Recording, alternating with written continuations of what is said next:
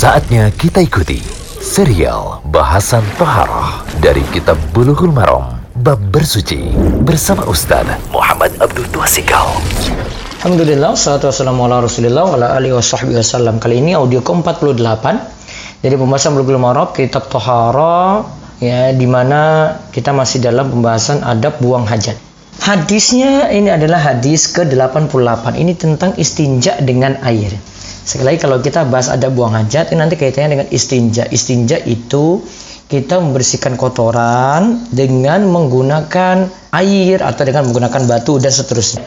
Nah, istinja dengan air ini diterangkan dalam hadis ke-88 wa anhu yaitu dari Anas bin Malik radhiyallahu anhu karena Rasulullah Shallallahu Alaihi Wasallam ya dukhulul khala'a Rasulullah SAW itu masuk ke dalam kamar kecil fa'ahmilu ana wa gulamu nahwi dan aku serta anak yang seumuranku itu membawakan air pada Nabi SAW juga seketika itu disertakan tombak pendek. Nah, fayastanji bilma, maka Nabi SAW ketika itu beristinja cebok dengan menggunakan air. Mutafakun alaih, hadis ini diriwayatkan oleh Imam Bukhari dan Muslim.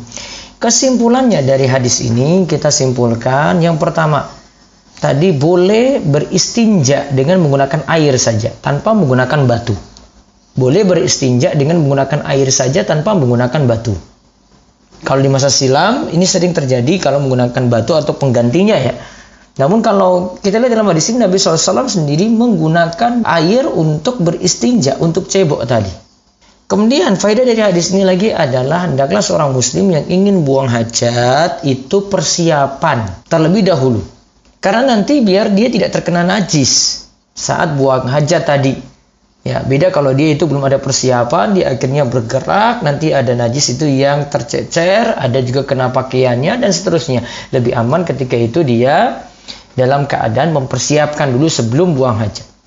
Dan hadis ini juga jadi dalil tentang keutamaan Anas bin Malik radhiyallahu anhu, sahabat Nabi SAW, karena dia berkhidmat menjadi pelayan Nabi SAW sampai pun dia ketika buang hajat dia melayani Nabi Shallallahu Alaihi Wasallam seperti tadi.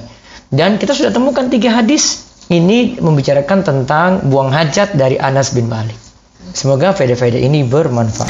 Demikian serial bahasan Toharah dari Kitab Bulughul Maram Bab Bersuci bersama Ustaz Muhammad Abdul Tuasikal.